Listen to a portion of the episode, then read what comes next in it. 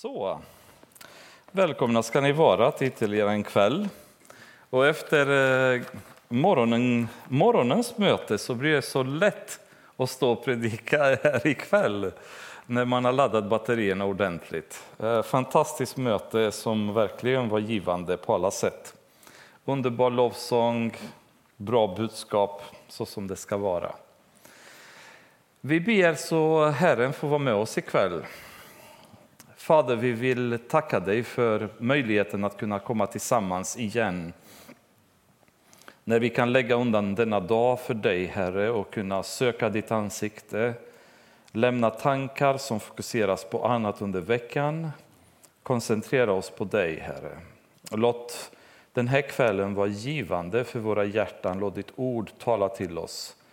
Låt inte min intelligens eller förmåga förklara ordet, Herre, utan låt din helige Ande ta varje del av det och eh, plantera det i vårt hjärta, låta det växa och bära frukt.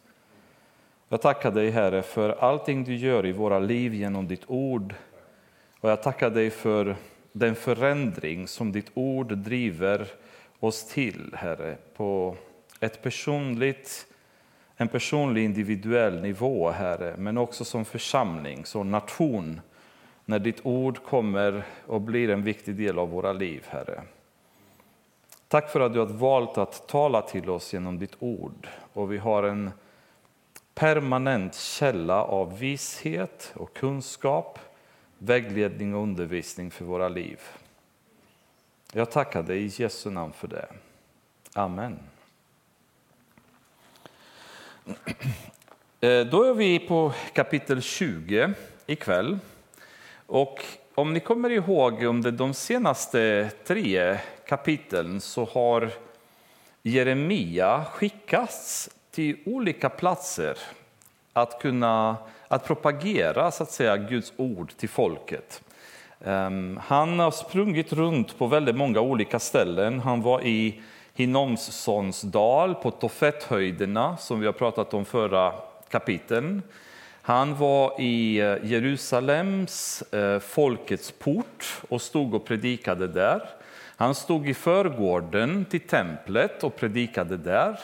Han var sen i Jerusalems andra portar, beskrivs det också som att han var där och ropade Guds ord till folket. Och det har han gjort nu under eh, ett antal kapitel, vi vet inte tidsperioden, hur lång tid det var. Men budskapet har mer eller mindre varit detsamma som vi har gått igenom och det är att ni, det är korruption i landet, det är avgudadyrkan, ni måste omvända er, ni kommer bli straffade av Gud om ni inte gör det. Och vid det här laget så börjar Jeremia bli en ordentlig nagel i ögat på etablissemanget kan man säga. Han har gjort för mycket väsen av sig. Ehm, han har, han har stört för mycket, han har sprungit precis överallt i Jerusalem och ropat ut Guds ord. Och om tidigare han har fått lite hot och han har fått lite anmärkningar och så, så är det nu den punkten i hans liv då grejerna blir mycket tuffare än så. Så vi kan börja läsa från vers 1 i kapitel 20. Då prästen Pashur, Imers son, som var överuppsinningsman i Herrens hus, hörde Jeremia profetera på detta sätt lät han gissla profeten Jeremia och satte honom i stocken i övre Benjaminsporten till Herrens hus. Men när Pashur dagen därefter släppte Jeremia lös ur stocken sade Jeremia till honom Herren kallade inte Pashur utan Magor Misabib Ty så säger Herren, jag ska göra dig till skräck, både för dig själv och för alla dina vänner. De ska falla för sina fienders svärd och dina ögon ska se det. Hela Juda ska jag ge i den babyloniske kungens hand och han ska föra dem bort till Babel och döda dem med svärd. Denna stads alla rikedomar, all gods och alla dyrbarheter och Juda kungars alla skatter ska jag ge i deras fienders hand. De ska ta det som byte och föra det till Babel och du själv, Pashur, ska gå i fångenskap med alla som bor i ditt hus. Du ska komma till Babel, där ska du dö och där ska du begravas tillsammans med alla dina vänner som du har profeterat lögn för.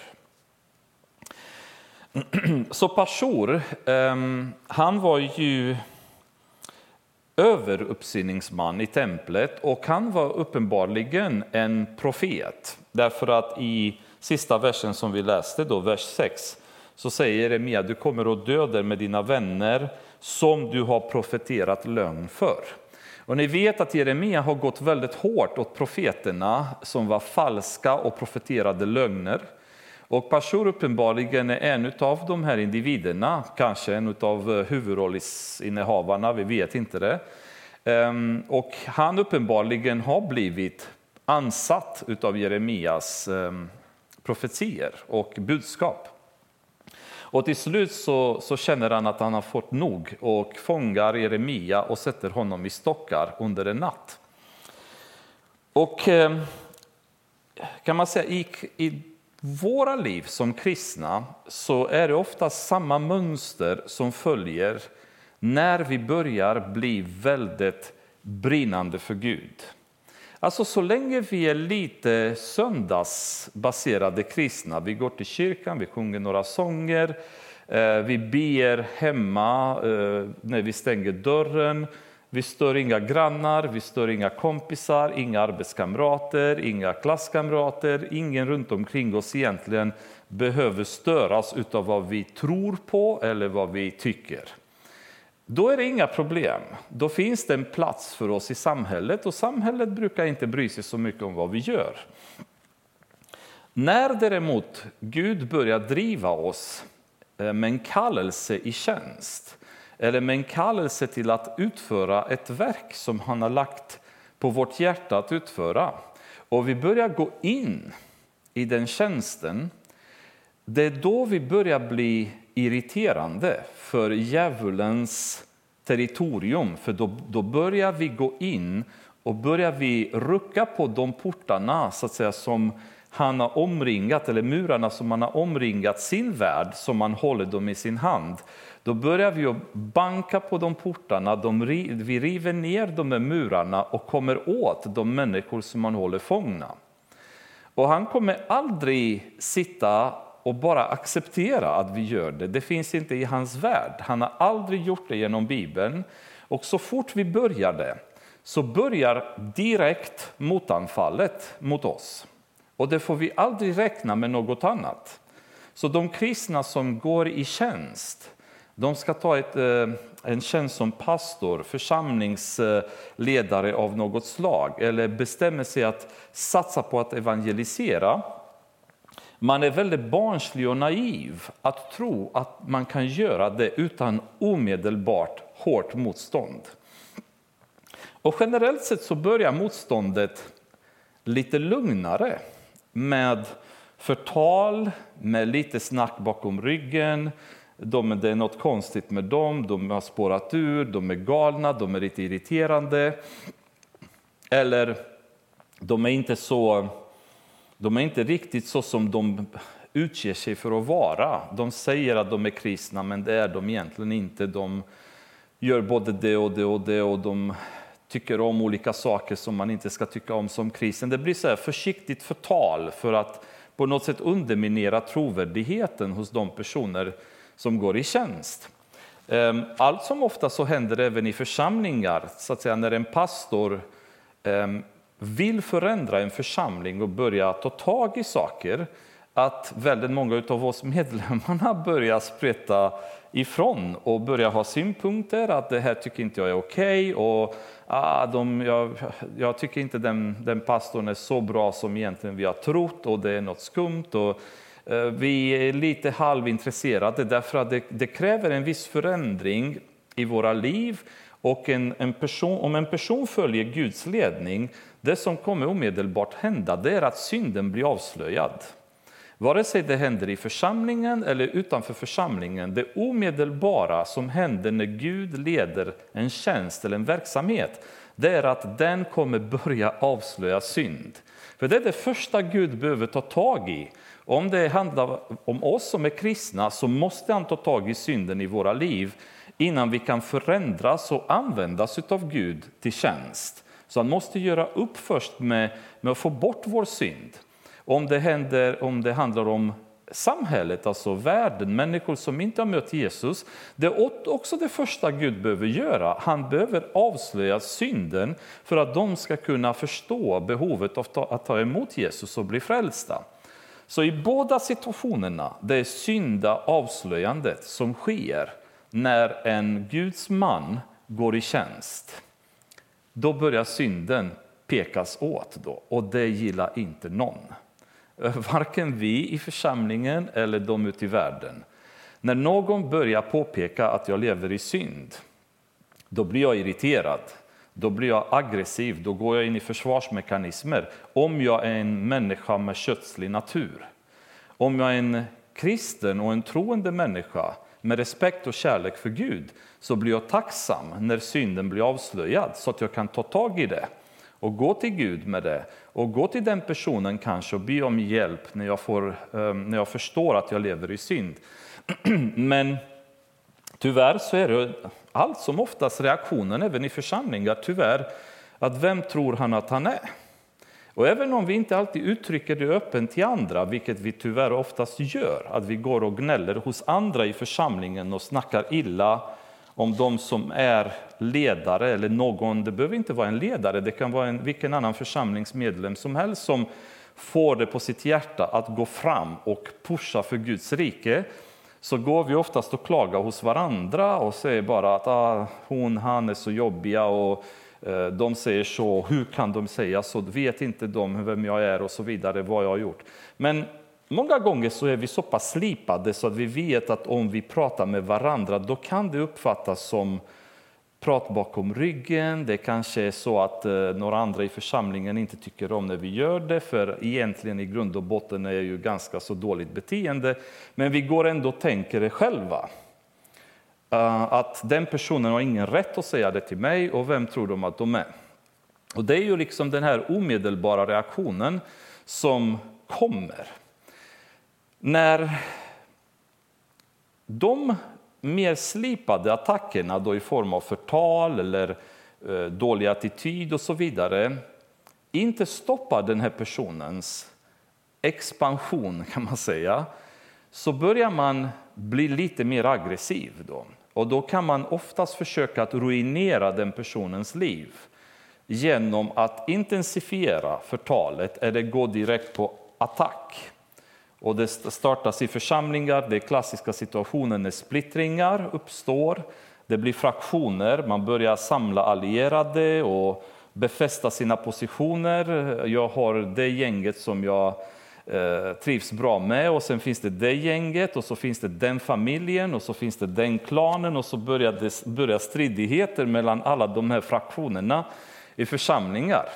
Ehm, när det gäller värden så blir det ju samma sak. Då. Det börjar intensifieras, attackerna. Det kan vara så att eh, till exempel i skolan någon lärare har fått nog av att någon pratar för mycket om Jesus och säger att nu måste du vara tyst på lektionerna, du kan inte gå på dina kollegor så som du gör. Ehm, det här är trots allt en arbetsplats kan någon säga och här är vi vi, här jobbar vi på rullande bandet på Volvo. Vi är inte här för att predika Jesus, utan du får tro på vad du vill. Du får följa vilken religion du vill, men det får du göra på fritiden. Nu är du på jobbet, nu får du fokusera på det här. Sluta prata, eh, annars blir det konsekvenser. Det kan vara arbetsplatser eh, där vi har normer och spelregler, det är väldigt vanligt numera. Många arbetsplatser måste ha det. Och kan gå och säga att i våra normer och spelregler regler finns det så att vi behöver inte eh, propagera för någon religion på våra arbetsplatser, så nu får du vara tyst. Eh, och det är det som gäller. Och så blir det så lite hårdare motstånd ehm, för att på något sätt testa vår beslutsamhet. Och när vi kommer redan till det hårdare motståndet så är det faktiskt så att väldigt många av oss redan ger upp där. Utan vi börjar känna och motivera att ja, men det är faktiskt så att jag jobbar inom vården och i Sverige får vi inte prata någonting om Gud när vi jobbar inom vården, så jag måste hålla min mun stängd. Ehm, ja, det är faktiskt så att jag har klasskamrater kanske som är av en annan religion och jag måste ta hänsyn till att jag kan kränka dem och så vidare. Och det är faktiskt kränkande att prata om religion med människor överhuvudtaget, så jag måste liksom tänka om det här, backa mina positioner, omvärdera mitt sätt att arbeta och så vidare. Då.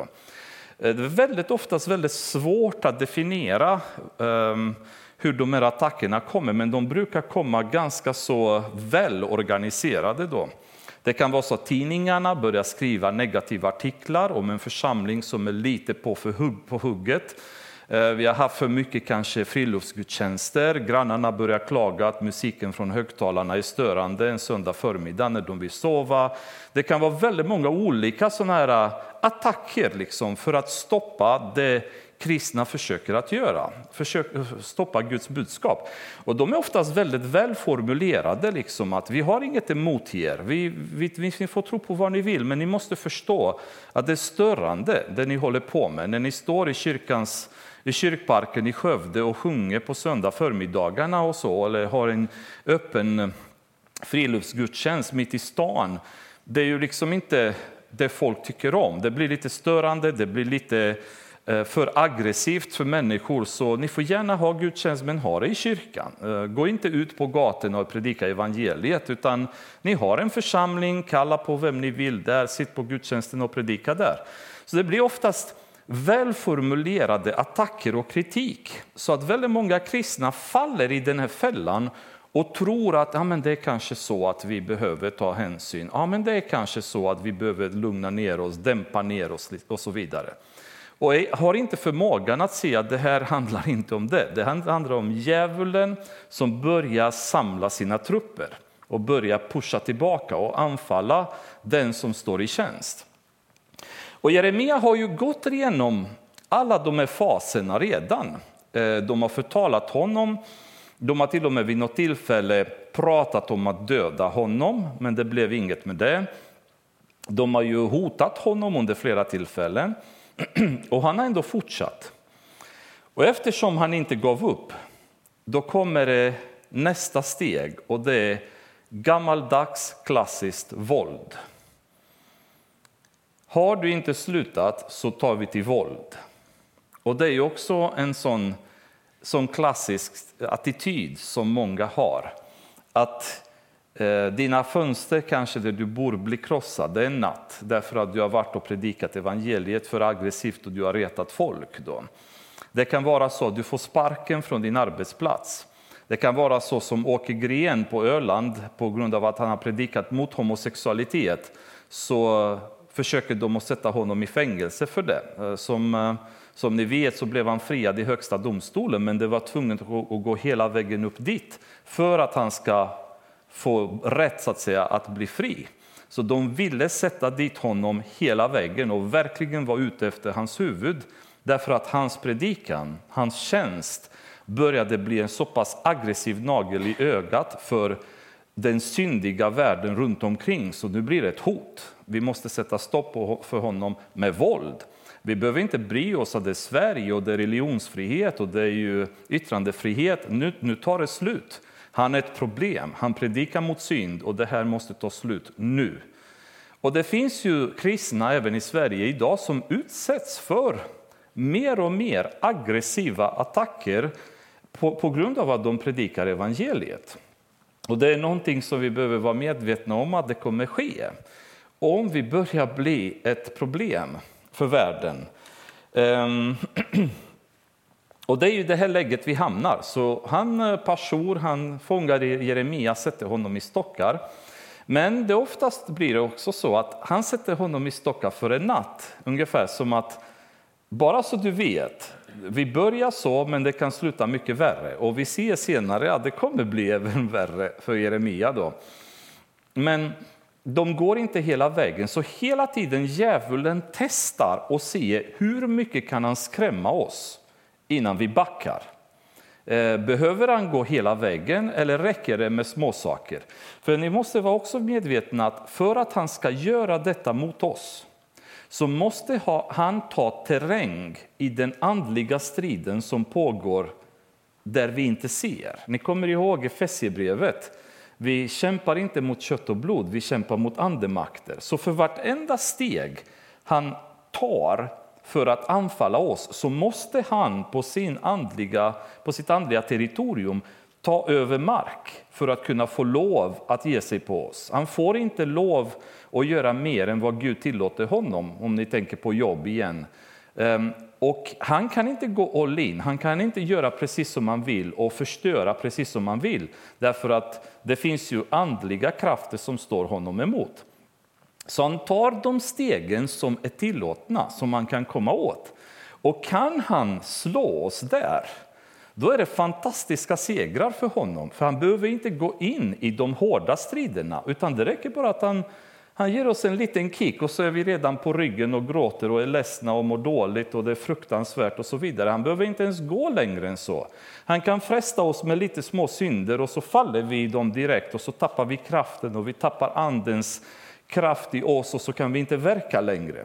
Så om han kan knäcka oss med små slag så kommer han inte gå på de stora. Men allt eftersom vi står emot så måste han intensifiera, han måste samla mer trupper, han måste få ännu mer fokus på oss, för nu har vi blivit ett problem. De små slagen tar inte koll på oss. Och då blir det då mer och mer intensifiering av den andliga striden då för att kunna knäcka oss. Så vi måste ha hela tiden i beräkning att det finns en permanent andlig strid som vi inte ser, som sker under vissa andliga regler. Och exakt hur alla de reglerna fungerar, det vet inte vi. Vi får bara blickar i det i Bibeln när vi får en liten inblick i den andliga världen. Men att det är uppenbart att det är en andlig strid som pågår och att det är uppenbart att djävulen får inte härja fritt där, utan det finns väldigt hårda restriktioner om vad han kan göra, eh, är det klart i alla fall. Och I det här läget så har han satt Jeremia för en natt ungefär för att skrämma honom. Och Jeremia kommer ut då och eh, uttalar kan man säga en profetia mot Pashur och säger bara du kommer inte heta Pashur längre som betyder frihet utan du kommer, eh, du kommer heta eh, Magor Misabib som betyder eh, skräck från alla håll.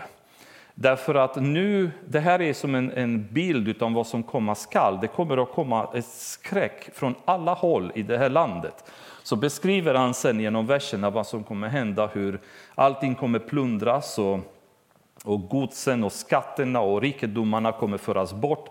Han kommer föras bort i fångenskap, han kommer dö där ihop med alla andra vänner som han har profeterat till. Intressant det här med vänner, hur folk liksom folk samlas kring varandra när de tycker om vissa saker. Alltså, han är en profet som profeterade som kittlar folks öron och då blir folket vänner med honom. Då är han en i gänget, då tycker de om honom för att han profeterade de vill höra. Så, och Jeremia säger både du och dina vänner som du har profeterat lögner för, ni kommer dö i fångenskap tillsammans, aldrig komma tillbaka därifrån. Det intressanta är dock i vers 4 redan så introduceras vi nu för första gången eh, till, alltså, ehm, för vem den kungen kommer vara som egentligen kommer inta Jerusalem. Än så länge har vi bara vetat att det kommer en armé från norr. Det kommer en fiende norrifrån, men aldrig nämns exakt vem det var. Nu är det första gången då Jeremia säger kungen i Babel, så nu blir det svart på vitt att Juda kommer hamna i fångenskap i Babylon. Nu råder det inga tveksamheter längre, nu, nu vet alla vad det handlar om. Och det är intressant att det tog ungefär till kapitel 20 innan det budskapet kom fram. Då. Men nu är det officiellt känt att det är kungen i Babel och det är en babylonisk fångenskap det kommer, kommer handla om. Vers 7. Du, Herre, övertalade mig och jag lät mig övertalas. Nu kan man säga, nu, börjar, nu, nu kommer vi igen i det här tillståndet när Jeremia har fått nog och han börjar, han börjar gnälla till Gud. Då. För nu har han legat i stockar en natt, han är inte speciellt lycklig och jag kan tänka mig att det är inte är jättekul att ligga i stockar om man har sett bilder eh, hur de låg med händerna och fötterna fram och så böjd hela ryggen under en hel natt. En som jag som är totalt oflexibel, det skulle vara en mardröm och hamnar i stockar. Liksom, för att jag, jag, kan ju inte ens knappt böja mina händer ner till knäna. Liksom. Och så, så har han tvingats att ligga i den här tortyrpositionen under en hel natt. Eh, och han bara kommer ut och han är inte på speciellt bra humör nu, Jeremia. Han är rätt sur över vad som har hänt. Han förmedlar budskapet till Pashur. Men nu har han någonting otalat med Gud som han vill ta upp också. Du, Herre, övertalade mig och jag lät mig övertalas. Du grep mig och blev mig övermäktig, så har jag blivit ett ständigt åtlöje. Alla hånar mig. Till så ofta jag talar måste jag klaga, över våld och förtryck måste jag ropa. Till Herrens ord drar över mig spott och spe hela dagen. Men jag tänkte, jag vill glömma honom och inte mer tala i hans namn. Jeremia har helt enkelt fått nog. Han, han har kommit till den punkten där år efter år efter år av intensiv förföljelse i olika former har gett resultat. Och e-, efter en natt i stockar så, så känner Jeremia att nu räcker det. Nu ger jag upp och jag tänker inte bry mig mer om att uttala Guds ord. För jag har ledsnat på att bli bespottad, på att bli förföljd, på att bli ansatt, på att bli slagen, på att bli torterad. Och, varför, och, och varenda gång jag vill prata om någonting så måste jag prata om våld och förtryck. Kan inte jag, jag skulle vilja prata om något annat, något roligare. Jag skulle vilja predika någonting om, om framgång och lycka. Det är så underbart att komma till Jesus. Då blir du frisk, då blir du lycklig. Då lever du i välstånd. Det är så underbart, du behöver aldrig vara ledsen. Inga tårar kommer i dina ögon längre. Jag skulle vilja komma med en så kallad positive thinking budskap. En positiv bekräftelse, positivt tänkande. Jag vill inte bara prata om synd. Jag vill inte bara prata om helvetet. Jag vill inte prata om domedagen. Jag vill inte prata om att en dag kommer människorna stå inför Gud och behöva vara ansvariga för allt de har gjort här på jorden. Jag vill prata om lycka. Hur underbart det är att vara kristen. Att kunna vakna på morgonen med ett leende på läpparna, gå genom dagen och sjunga lovsånger, gå på kvällen, sätta sig och be och bara njuta av Guds närvaro. Och han talar till oss hela tiden. Det räcker bara att du trycker på knappen och så hör du Guds röst. Du hör profetier, du får visioner, du går och lägger dina händer på folk, de blir helade allihopa. Ingen är sjuk, ingen har problem, alla älskar dig. Jag skulle vilja ha ett sånt budskap. Jag vill inte prata om våld och förtryck och synd och avgudadyrkan och Guds straff över de här människorna. Jag har ledsnat på det här, säger Jeremia, och jag blir hela tiden ansatt och bespottad och förföljd. Vad är detta?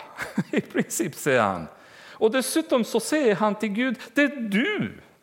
Det är du som har fått mig att göra detta. För du har lovat mig saker och du har inte hållit. För i kapitel 1, vers 8 säger Gud till Jeremia, frukta inte för dem, ty jag är med dig för att rädda dig, säger Herren. Vad är detta? Vad är det du har lovat mig som du nu inte håller? I kapitel 15, vers 20 och 21 efter Jeremia beklagar sig igen till Gud så säger Gud till honom, jag ska göra dig till en fast kopparmur mot detta folk så att de inte kan besegra dig om de vill strida mot dig. Ty jag är med dig för att hjälpa dig och för att rädda dig, säger Herren. Jag ska rädda dig ut ur de ondas våld och befria dig ur våldsmännens hand. Vad är detta, säger Jeremia? Du har lovat mig att jag ska leva lycklig. Du har lovat mig att jag jag inte kommer ha problem. Och kolla på vad som händer med mig. I åratal har jag blivit bespottad, förföljd, slagen för att jag har predikat ditt ord. Och hur har du skyddat mig?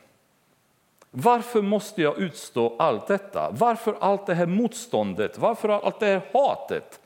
För att jag har försökt att göra ditt, din verk, ditt verk. Och hur, hur har jag fått hjälp av dig i detta?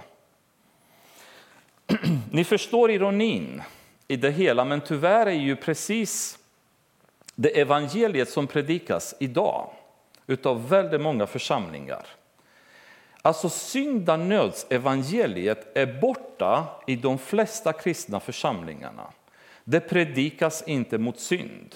På stora evangelisationer, crusades, arenor fulla av människor som kommer för att lyssna på Gud. Det predikas inte mot synd längre. Predikanterna som står där ropar inte över arenorna och, och talar om för människorna att ni lever i synd och ni är på väg på en autobahn mot helvetet och ni måste vända nu. Utan man predikar hur vackert det är att vara kristen, vad roligt det är att vara kristen, hur ditt liv kan blomstra om du blir kristen, hur allting blir så mycket lättare. Nu lever du i depression, nu lever du i, i sorg, men om du kommer till Jesus, då är det bara lycka du kommer uppleva.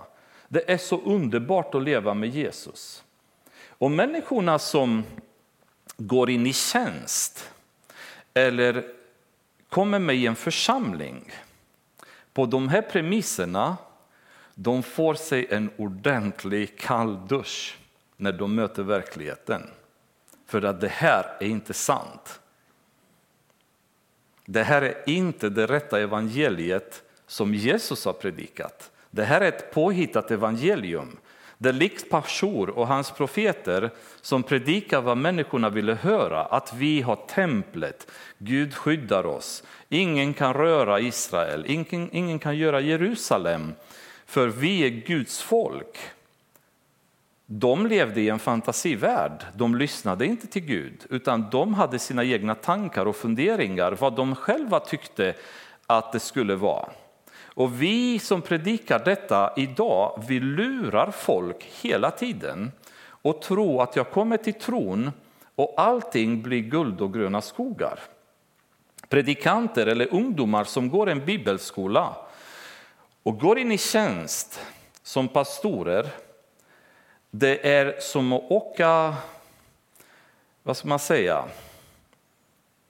som att du skulle du skulle tro att du går i en arena och så har du lite trevligt med några människor. Och när du kommer in i arenan så kastar, dig, kastar sig 50-60 personer och börjar slå dig. Och du vet inte hur du ska komma därifrån. När du kommer till en församling och du är entusiastisk, du vet att här kommer bli väckelse. Bara jag, bara jag talar om för dem allt jag lärt mig på bibelskolan så ska det bli en väckelse utan dess like. Och så blir det precis tvärtom. Och du blir ansatt, du blir kritiserad, du blir um, hela tiden kan man säga um, attackerad från olika håll. Du hinner inte ens organisera dina tankar innan folk börjar hagla med sina krav. Den ena vill det, den andra vill det. Någon vill renovera kyrkan, någon vill ändra äldste upplägget, någon annan vill kasta bort gamla pianot och ta in ett nytt. Någon tycker att toaletterna inte fungerar, mattan är omodern och så vidare. Och allting ska du plötsligt ta ett beslut kring. Och du är där för att predika Guds ord. Du har drömmar om väckelse. Det är bara att glömma. Det finns inte plats för det, för det är alla dessa frågor som behöver hanteras. Det är två som bråkar i kyrkan som har hållit på i många år och det är fortfarande massa problem kring dem.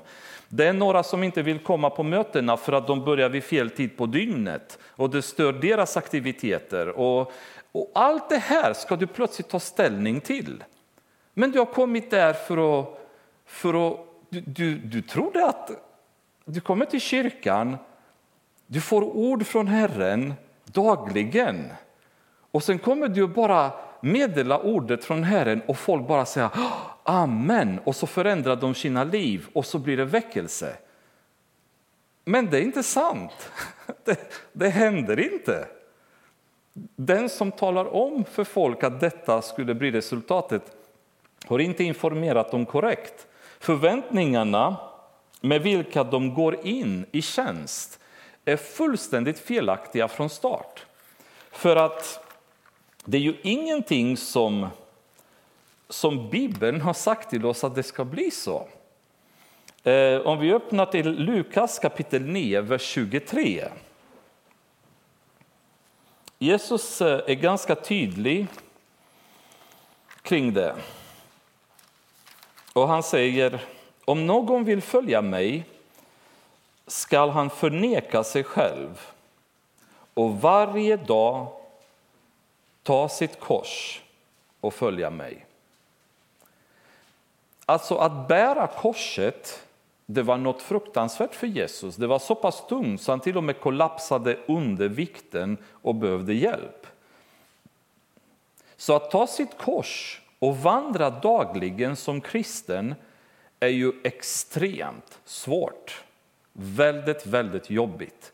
Att ta sitt kors betyder inte att sätta sig i sin nya Ferrari eller sin privata jet privata jetplan och åka kors och tvärs på olika evangelisationer i världen där fulla arenor med applåderande människor väntar mig. Det här är inte något överhuvudtaget som har med att ta sitt kors att göra.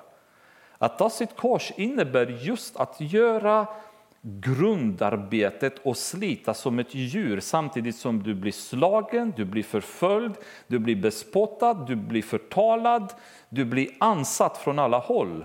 Det är vad Jesus har gjort när han har burit korset. Han har inte åkt i någon slags bekväm, bekväm vagn och dratt korset bakom vagnen. Han har fått bära det själv. Och han säger om någon vill, om någon vill följa mig så ska man inte förvänta sig något annat än att bära på ett tungt kors varje dag. Varje dag måste det korset bäras.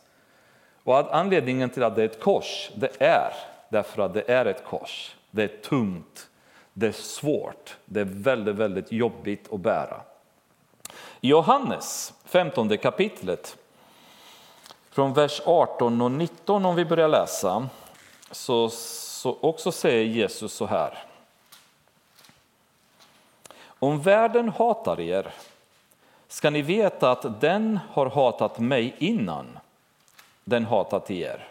Om ni vore av världen skulle världen älska er som sina egna, men ni är inte av världen, utan jag har utvalt er och tagit er ur världen. Därför hatar världen er. Han säger inte något annat till oss än att ni kommer att bli hatade utav världen. Och när hatet är igång så kan det manifestera sig på alla möjliga olika sätt mot oss. Men det vi ska förvänta oss är att det är hat. Världen älskar inte oss, världen hatar oss.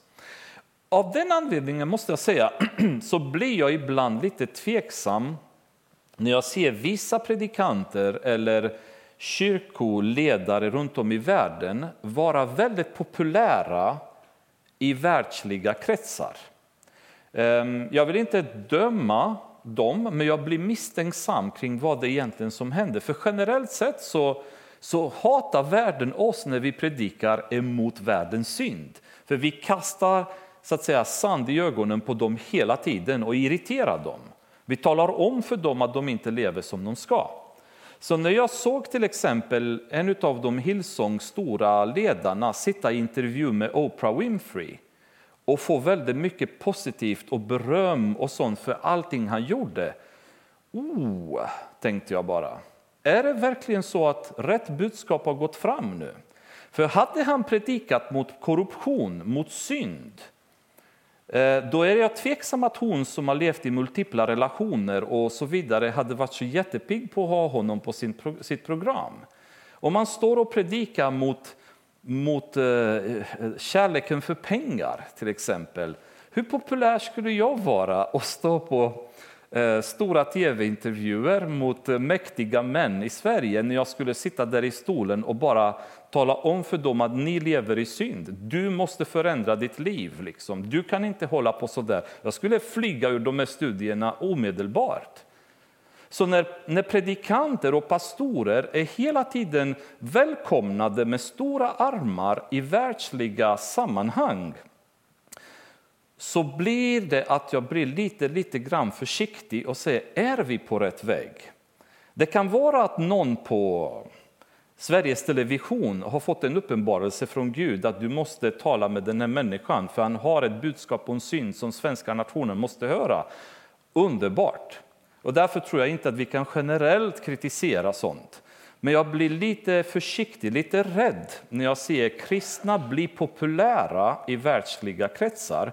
Därför att Jesus säger att de kommer hata er därför att de har hatat mig.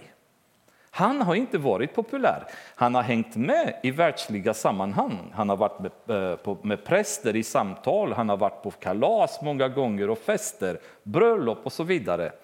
Men överallt där han varit så har det inte tagit lång tid innan han har varit impopulärt och behövt gå därifrån därför att Jesus har tagit upp synden hela tiden.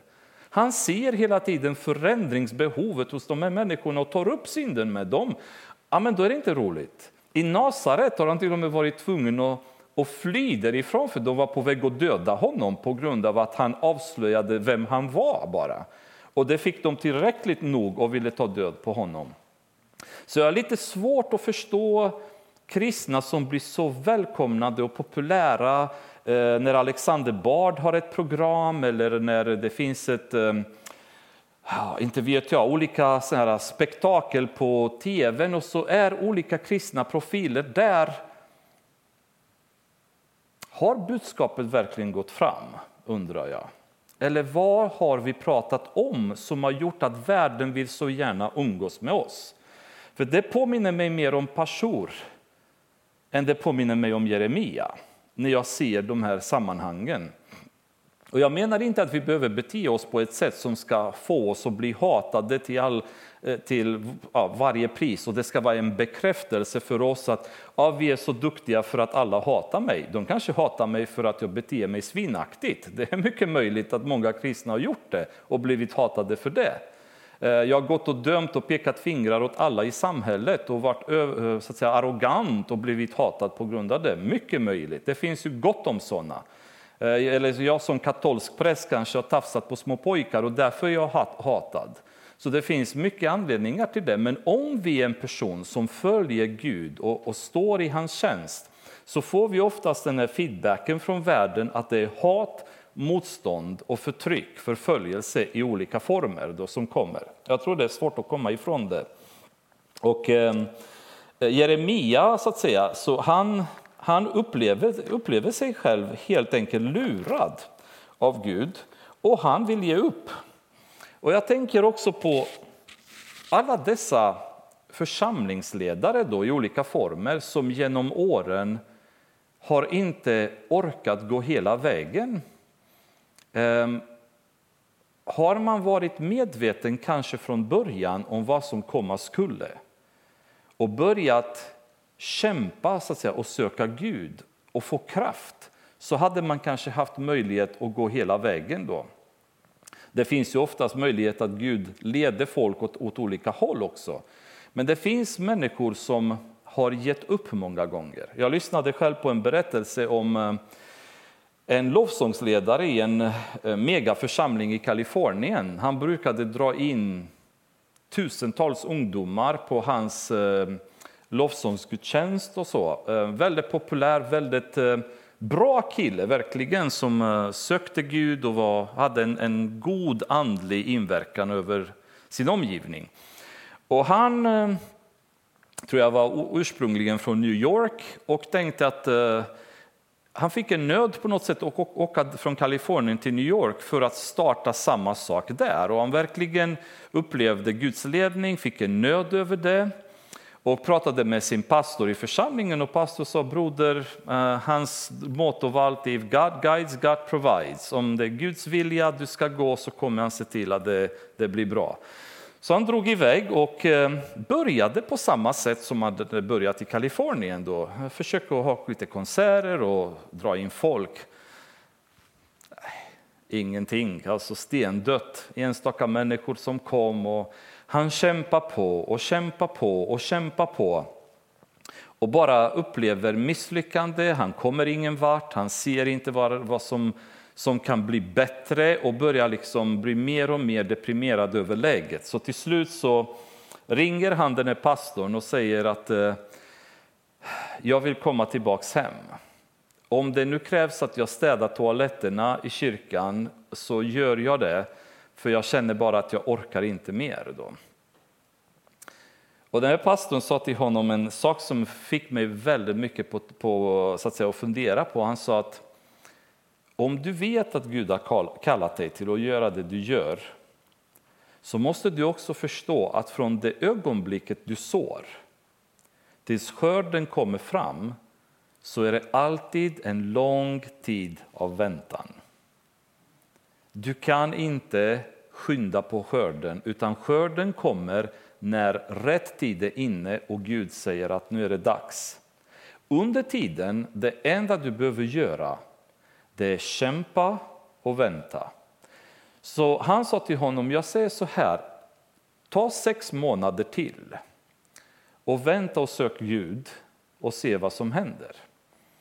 Um, bara några år efter detta samtalet hade inträffat, då hade den här lovsångsledaren 4 till 5 000 människor i hans kyrka på mötena.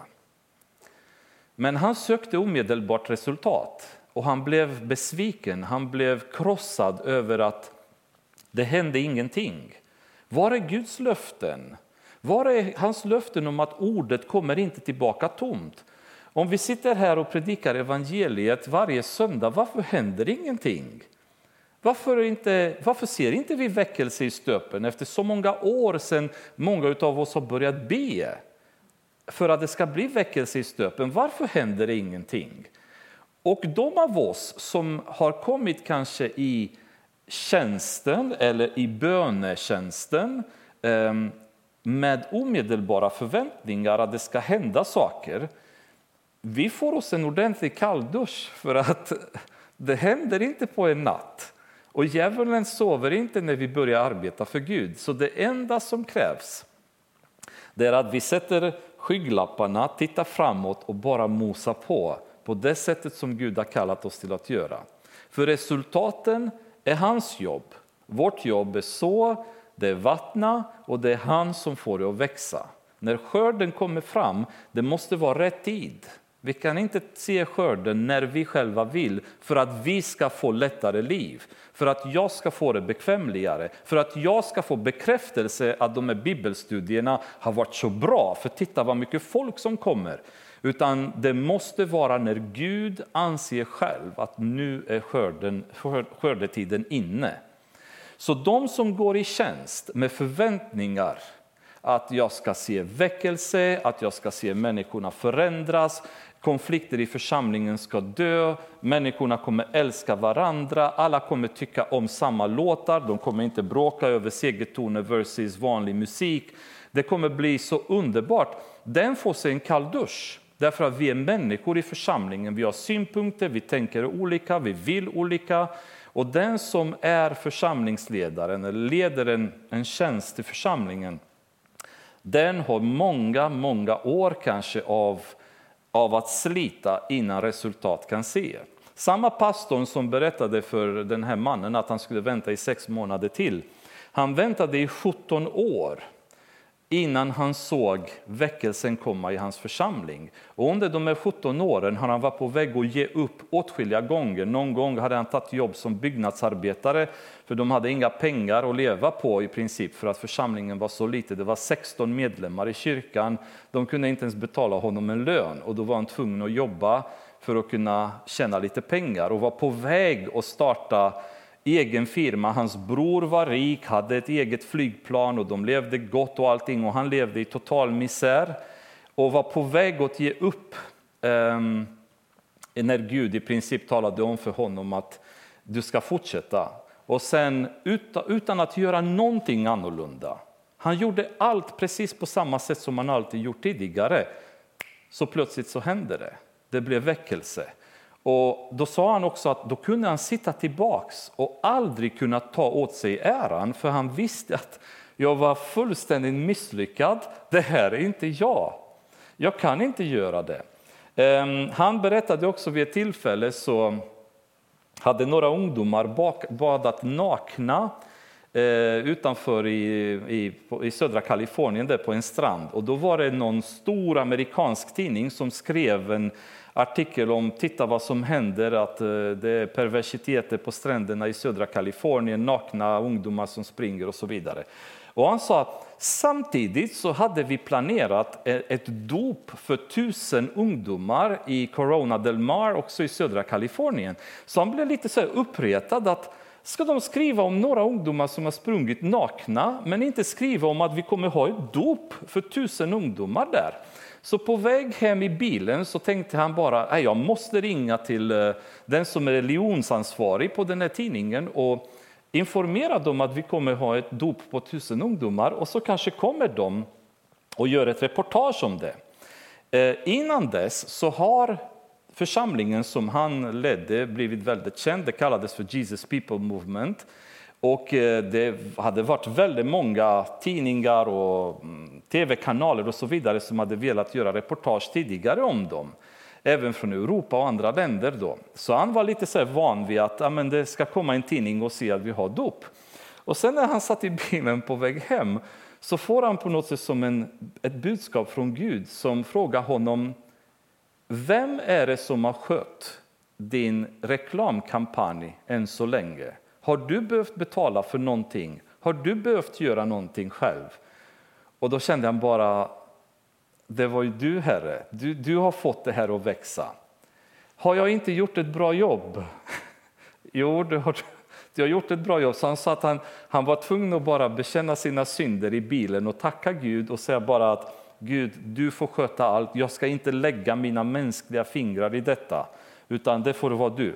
När han kommer hem då säger hans fru, vi har en gäst i vardagsrummet som, som sökte dig. Och han sa på den tiden var inte ovanligt. Det brukade vara många hippies som kom och bara gick hem till dem och ville prata med honom och så vidare. Så han sa att, att det hängde folk hemma hos honom varje dag. Det var ganska, ganska vanligt då. Så, eh, och när han kommer in, då sitter en reporter från Time Magazine och säger att eh, vi är här och vi skulle vilja göra ett reportage om Jesus People-rörelsen. Och jag funderar på, har ni möjligen någon, något dop snart eller något sånt som vi kan vara med och liksom ta lite bilder och skriva en artikel om? Och då sa han, jag, satt, jag stod där och tittade på honom och, jag, och han tänkte för sig själv, Herre, du är alltid ett steg före mig. Och det, det talade till mig väldigt starkt. Alltså Gud är alltid ett steg före oss. När jag sitter där och bankar huvudet mot väggarna och tycker det är jobbigt, vi måste veta att Gud är redan steget före. Han är redan igång med att förbereda nästa steg för oss. Och nästa steg, det är bara att vi ser inte det. Vi, vi måste gå i tro. Och det är tron som stärker vår relation med Gud. När jag förlitar mig på honom och vet att Gud, jag fattar inte varför, men du vet och jag går i tro och jag följer dig. Men under tiden, det blir tungt, det blir jobbigt och så vidare. Och Jeremia hade inte förstått detta, utan han bara tänkte att det här är inte, det här är inte roligt och jag ger upp. Paulus hade ett antal personer som hängde med honom på hans resor. Lukas var den ena och sen ett helt gäng, Epafroditus och eh, Timoteus hade varit med honom och Barnabas och Silas och så vidare. Men en av dem var Demas. Och Demas nämns vid två tillfällen i Filimon, Filemon, eller Filem, Filemon, säger man. I Filemon, eh, vers 24, och sen i Kolosserbrevet 4 och 14. Så beskrivs Demas som en medarbetare till Paulus.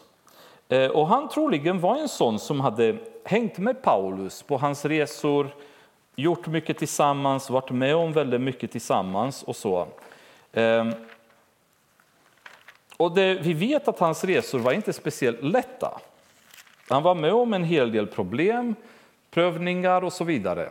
Men sen det blev ett väldigt tråkigt, ett tråkigt avslut på detta när han i Andra Timoteusbrevet, fjärde kapitel, vers 10, när han skriver i slut, slutfasen till Timoteus så säger han så här.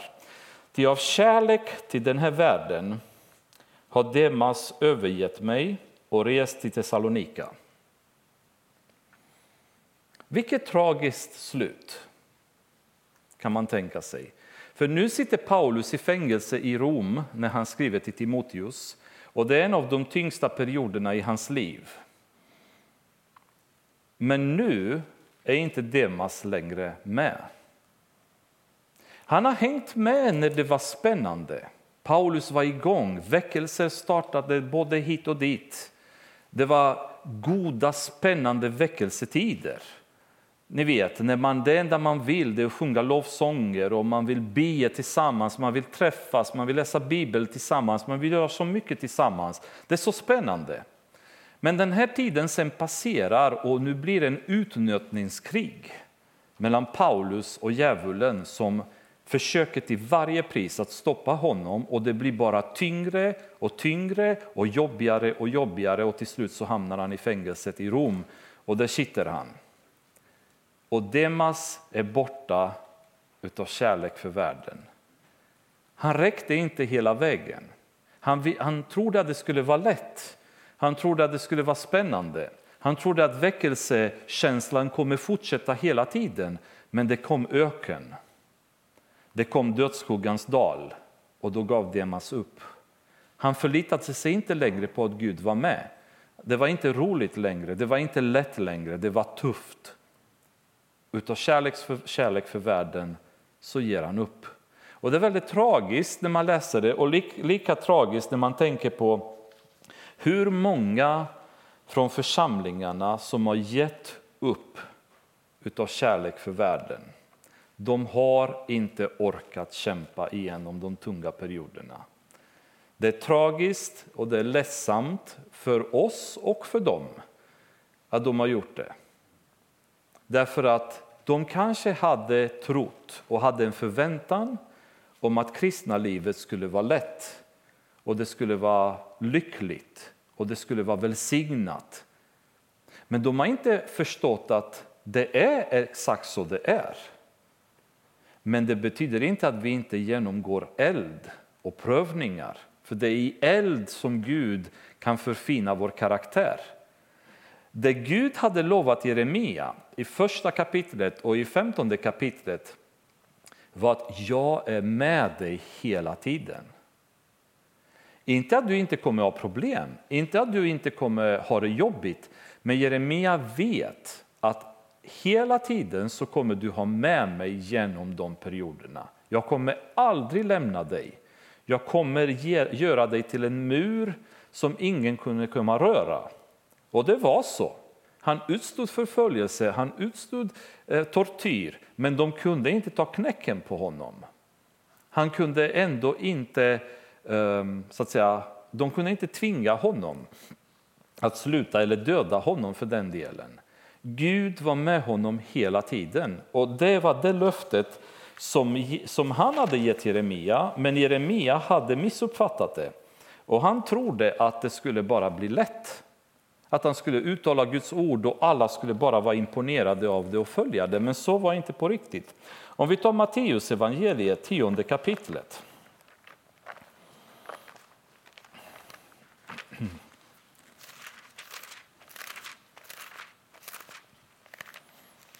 Kan vi börja läsa eh, vers 16, första delen, och sen gå vidare.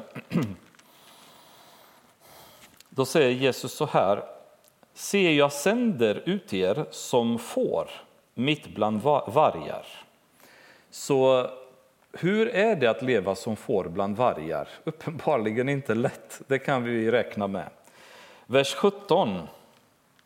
Akta er för människorna de ska utlämna er åt domstolar och i sina synagogor ska de gissla er och ni kommer att föras inför landshövdingar och kungar för min skull för att vittna inför dem och hedningarna. Men när man utlämnar er Här kommer nyckeln. Här är vad Jeremia inte hade fattat.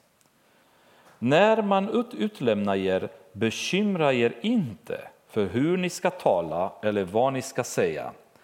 Det kommer att ges åt er i den stunden och då är det inte ni som talar utan er faders ande kommer att tala genom er. Det var det han hade missuppfattat. Han förstod inte vad Guds beskydd innebär. Guds beskydd innebär att du kommer gå igenom fruktansvärda prövningar. Och han hade varnat till och med Jeremia i början att du kommer att gå igenom tuffa prövningar. Men jag kommer vara med dig. När du öppnar din mun så kommer min ande tala genom dig. När vi hamnar i förföljelse, när vi hamnar i problem, det är ingen idé att vi, vi sitter nu och oroar oss över vad som skulle hända. När vi kommer dit, då ger Gud lösningen till oss. Det är ju att vandra genom tro i vår verksamhet eller i vår aktivitet med Gud och vet att jag behöver inte förutse hur jag kommer agera om jag hamnar i fängelset eller om jag blir utfrågad av en tidning eller om jag hamnar i polisförhör eller om mina grannar ger sig på mig. När den stunden kommer, om jag har varit lojal och trogen till Gud, då kommer heliganden ta över. Det är den nivån där vi kanske kommer bara luta oss bakåt och inte ens fatta själva vad som händer. Det är ju skillnaden. Det är ju det som Gud menade hela tiden. Jag är ju med dig. Inte att du kommer ha det bekvämt och smidigt och allting kommer vara en dans på rosor. Och om någon av oss går i tjänst i församlingen och inte förstår detta så kommer vi reagera precis som Jeremia. Vi kommer också vilja ge upp. Vi kommer också säga bara att jag, får, jag har fått nog. Folk vill inte vara med. Jag, jag vill starta en kör. Eh, men det är bara fem personer som kommer på övningarna. Det är inte roligt det här. Det är så jobbigt. Jag vill gärna ha en fin kör. Jag vill ha en härligt lovsångsteam. Vi vill ha hela kyrkan full när man predikar, när man har ett bibelstudium. När bönen är på tisdag, då vill inte jag vara med tre, fyra personer. Jag vill höra hela kyrkan full, folk som ropar efter Gud. Så jag känner själv den här väckelsekänslan. Men Gud säger, stå på. Bara nöt in de här tiderna. Lär dig vad det innebär. Gå igenom de tunga perioderna för att du ska förstå att det är genom, inte genom någon människos styrka utan genom Guds ande det kommer ske när det sker. Och då kommer du inte kunna ta åt dig äran någon gång, för då, det, då kommer det bli självklart. David blev tidigt i sitt liv smord som kung. Han var ju ett, en unge kan man säga på den tiden. Och trots detta så under 17 år av sin tid, 14 eller 17, nu kanske jag har lite fel, det får vara lite osagt, minst 14, troligen 17 år av sitt liv, så har han varit på flykt och levt väldigt, väldigt tufft. För Saul ville hela tiden döda honom, stundtals var det filisterna som ville döda honom och han var hela tiden på flykt. Faktum är att det vanligaste ordet vi läser i Andra Samuelsboken det är oftast eh, när David säger ”Vad har jag gjort?”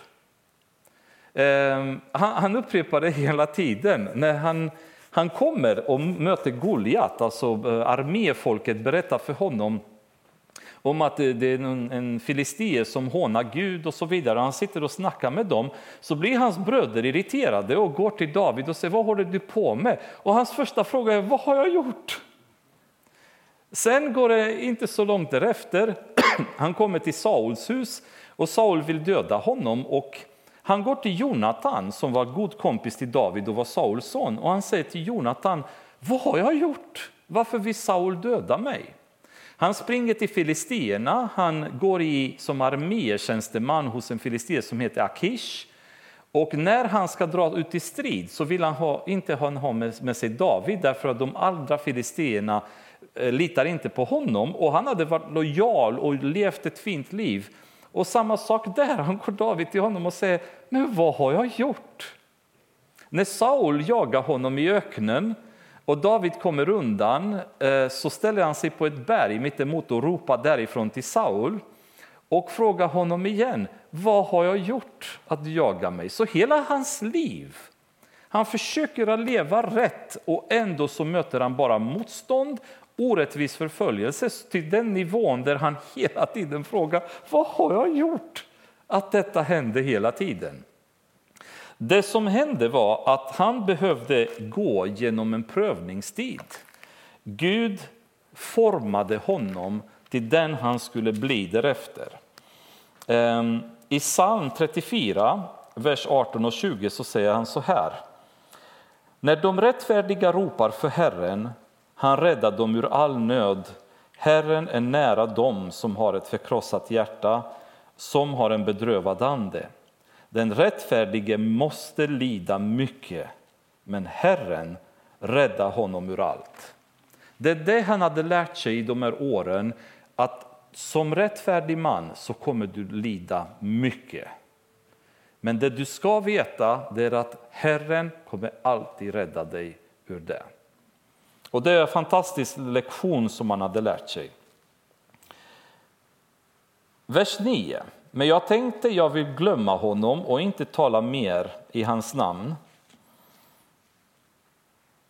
Då blev det i mitt hjärta som en brinnande eld, instängd i mitt innersta. Jag ansträngde mig att uthärda den, men kunde det inte. Så Jeremia säger, jag har fått nog, jag vill inte predika mer, jag vill inte prata med folket mer. Men Gud i hans hjärta började brinna så. Guds ord som var i hans hjärta bara höll på att brinna inuti hans hjärta och han kunde inte sluta tala. Och Jag tycker det är så fantastiskt. För det, tyder, det visar också hur viktigt det är att vi bygger en grund med Gud. För när de stunderna kommer att komma, och de kommer att komma, då är det ordet, då är den relationen som vi har byggt med Gud, den grunden som vi har i våra liv, den som kommer ta oss igenom det. Och Guds ord kommer brinna i vårt hjärta. Ni kommer ihåg när Jesus mötte de två Emmausvandrarna. Och de eh, var lite ledsna. Jesus frågade dem, vad är det som har hänt? Varför är ni ledsna? Vet inte du det? säger de. Jesus som har kommit, de har dödat honom och han var en profet som, som skulle um, rädda Israel och så vidare. I princip då var idén. Uh, och nu är han död och dessutom har han varit död i tre dagar. Och Jesus säger, men förstår inte ni? Så börjar han förklara från skriften om honom då. Och när de skulle bryta bröd sen hemma hos dem så fattade de att det är Jesus. Och då, då försvinner Jesus därifrån och då säger de till varandra Brann, brann det inte våra hjärtan när han talade med oss på vägen och öppnade skrifterna för oss? Alltså Guds ord har den här effekten att när helige anden börjar tala, det börjar brinna i oss. Liksom. Man kan inte låta bli, man är tvungen att gå ut och predika evangeliet. Man är tvungen att gå ut och tala om för människorna om Gud. För annars brinner vi ihjäl. Liksom. Vi kan inte sluta det. Vi är mig, säger Paulus, om jag inte predikar evangeliet. Han kan inte sluta predika evangeliet. När eh, Petrus och Johannes hamnade inför Stora rådet, de hotade dem att ni får inte gå ut och predika mer. Och Petrus svarade vi kan inte. Vi kan inte sluta. Inte att vi vill inte, vi kan inte. Det, det, det drivet som finns i oss, den anden som trycker på oss, vi måste bara göra det. Så ni får säga precis vad ni vill. När vi går härifrån så gör vi exakt samma sak som vi har gjort innan. Vi kan inte sluta predika evangeliet. Det måste vi bara. Och det är ju så fantastiskt att se hur Guds ord driver Jeremia så till slut. Så han har fått nog, han vill inte mer. Men sen känner han bara, men jag kan inte. Det är så mycket som brinner inom mig som de behöver höra. Jag hör många förtala mig. Det är skräck från alla håll. Ange honom. Ja, vi ska ange honom. Alla som stått mig nära väntar på att jag ska falla. Kanske låter han lura sig så att vi blir honom övermäktiga och kan hämnas på honom. Men Herren är med mig som en mäktig hjälte. Därför ska mina förföljare komma på fall och inte bli mig övermäktiga. De ska stå där med stor skam, ty de har handlat utan förstånd. De ska drabbas av evig vanära som ej ska glömmas. Herre Sebaot, du prövar den rättfärdige, du ser hjärtan och njurar. Jag ska få se din hämnd på dem, ty till dig har jag överlämnat min sak. Sjung till Herre, lova Herren, ty han räddade den fattiges själ ur de ondas hand. Vilken underbar förstånd, vilken underbar avslutning skulle man tycka. Han har förstått nu att Herren är den som hjälper. Ja, kanske. För nu kommer sista delen av kapitlet som blir väldigt, väldigt märklig. Och det är bara, man får ännu på något sätt uppskatta Jeremia ännu mer för han är så lik oss. Då kan man säga.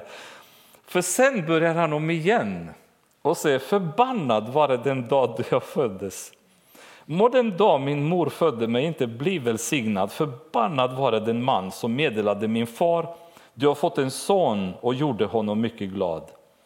Låt det gå den mannen som det gick för de städer som Herren förstörde, utan att ångra det.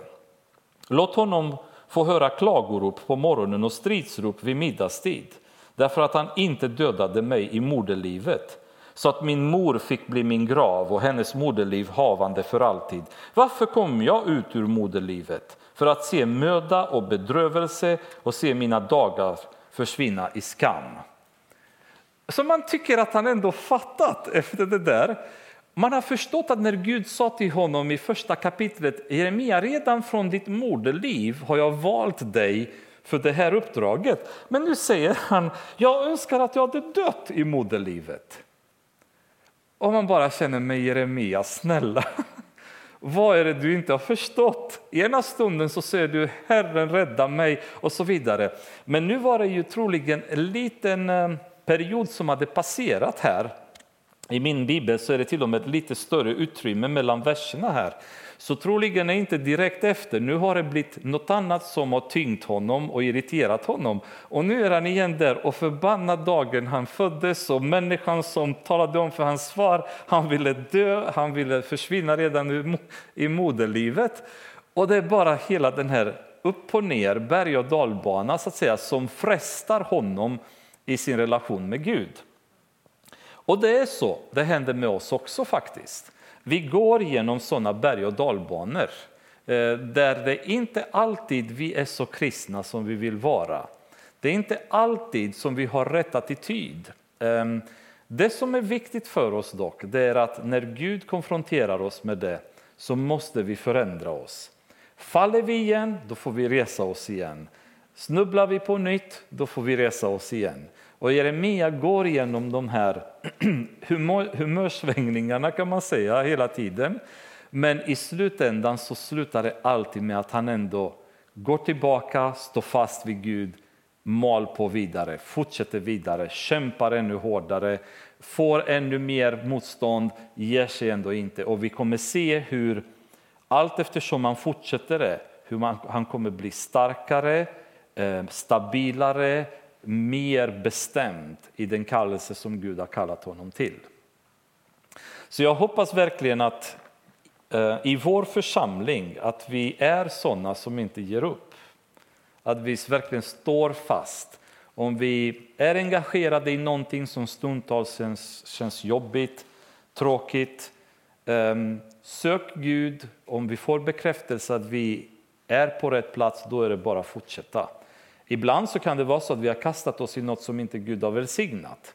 Då ska vi nog backa därifrån. Men om vi vet att Gud har kallat oss till det uppdraget, vi vet att vi är på rätt plats, så är det bara att fortsätta. Om vi inte är säkra på det, då får vi söka Gud tills vi blir säkra. För som Hasse sa i morse, när man söker Gud så kan Gud tala på så fantastiska sätt och bekräfta det han vill säga till oss. Men ehm, att vi ska fortsätta och inte förvänta oss en dans på rosor utan förvänta oss att Gud är med oss hela tiden och han kommer bära vårt ok idag. Och det gör han väldigt bra. Fader, vi tackar dig för det här exemplet som du har gett oss genom Jeremia. Tack för att du har kallat oss, Herre, till att följa dig i tro. Hjälp oss att kunna förlita oss på att du är med oss i allt, att du hjälper oss, du stärker oss, att din heliga Ande är med oss alltid, Herre.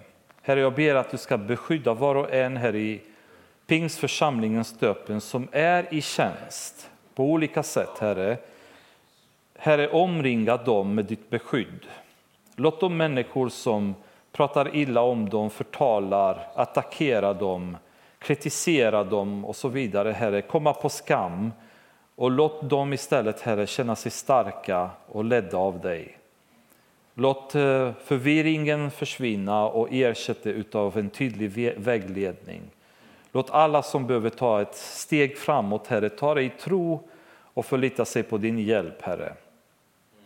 Låt oss inte drömma om världsliga saker som ska bli förnöjande för oss, utan låt oss få bara drömma om andliga belöningar, Herre, som du har förberett för oss. Låt det korset vara lätt att bära, Jesus. Var med oss och hjälp oss att bära. Du har burit det bättre än någon annan. Jag ber, Herre, att du ska vara med oss och hjälpa oss att bära det korset. Det var inte bara trädet som var tungt, utan det var hela mänsklighetens synder som du hade på dina axlar. Tack Jesus att du har valt att gå hela vägen. Tack för att du inte gett upp halvvägs. Vad hade vi varit då? Vi prisar dig Herre Jesus. Tack för din kärlek och nåd.